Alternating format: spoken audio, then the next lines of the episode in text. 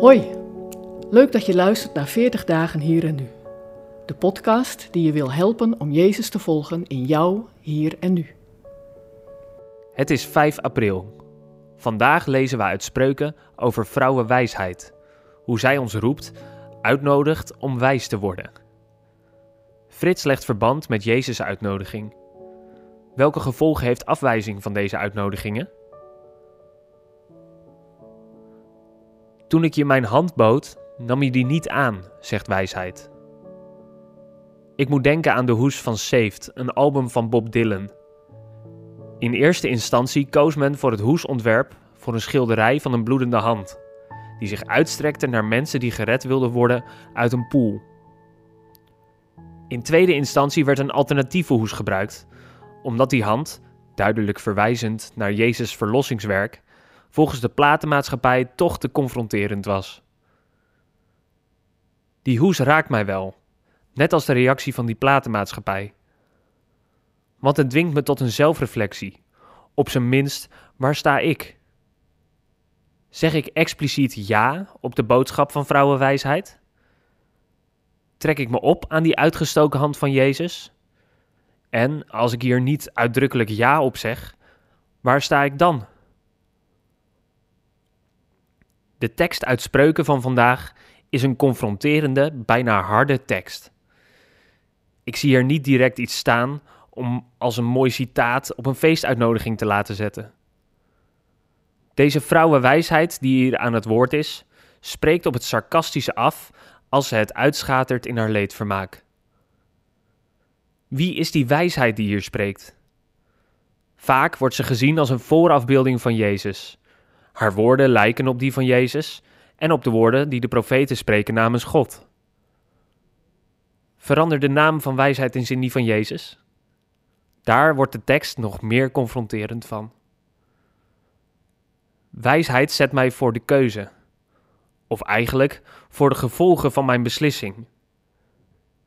Het is niet zo dat de wijsheid, dat Jezus, nou heel suggestief of vaag is geweest in de uitnodiging. De liefdevol uitgestoken hand, de goede raad, elke berisping, het was elke keer helder en niet voor verschillende uitleg vatbaar.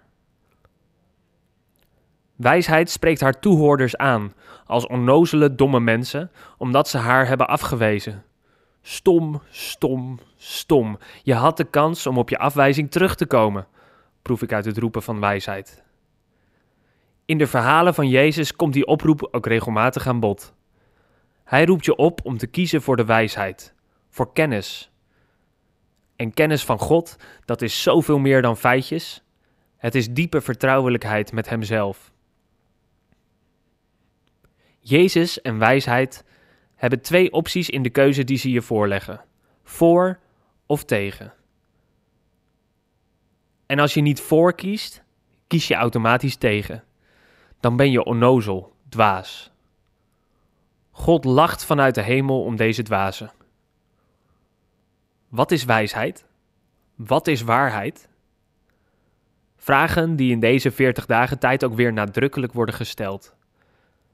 Als ik ja zeg tegen de berispingen en de uitgestoken hand van Jezus, dan heeft dat ook gevolgen voor mijn handelen en mijn gedachten in het dagelijkse leven.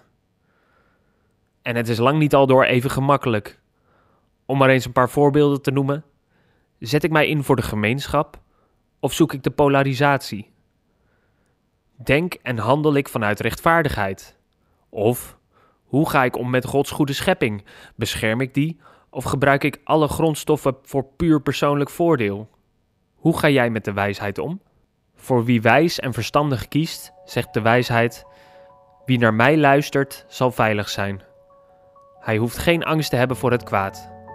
Dan ben je saved en safe.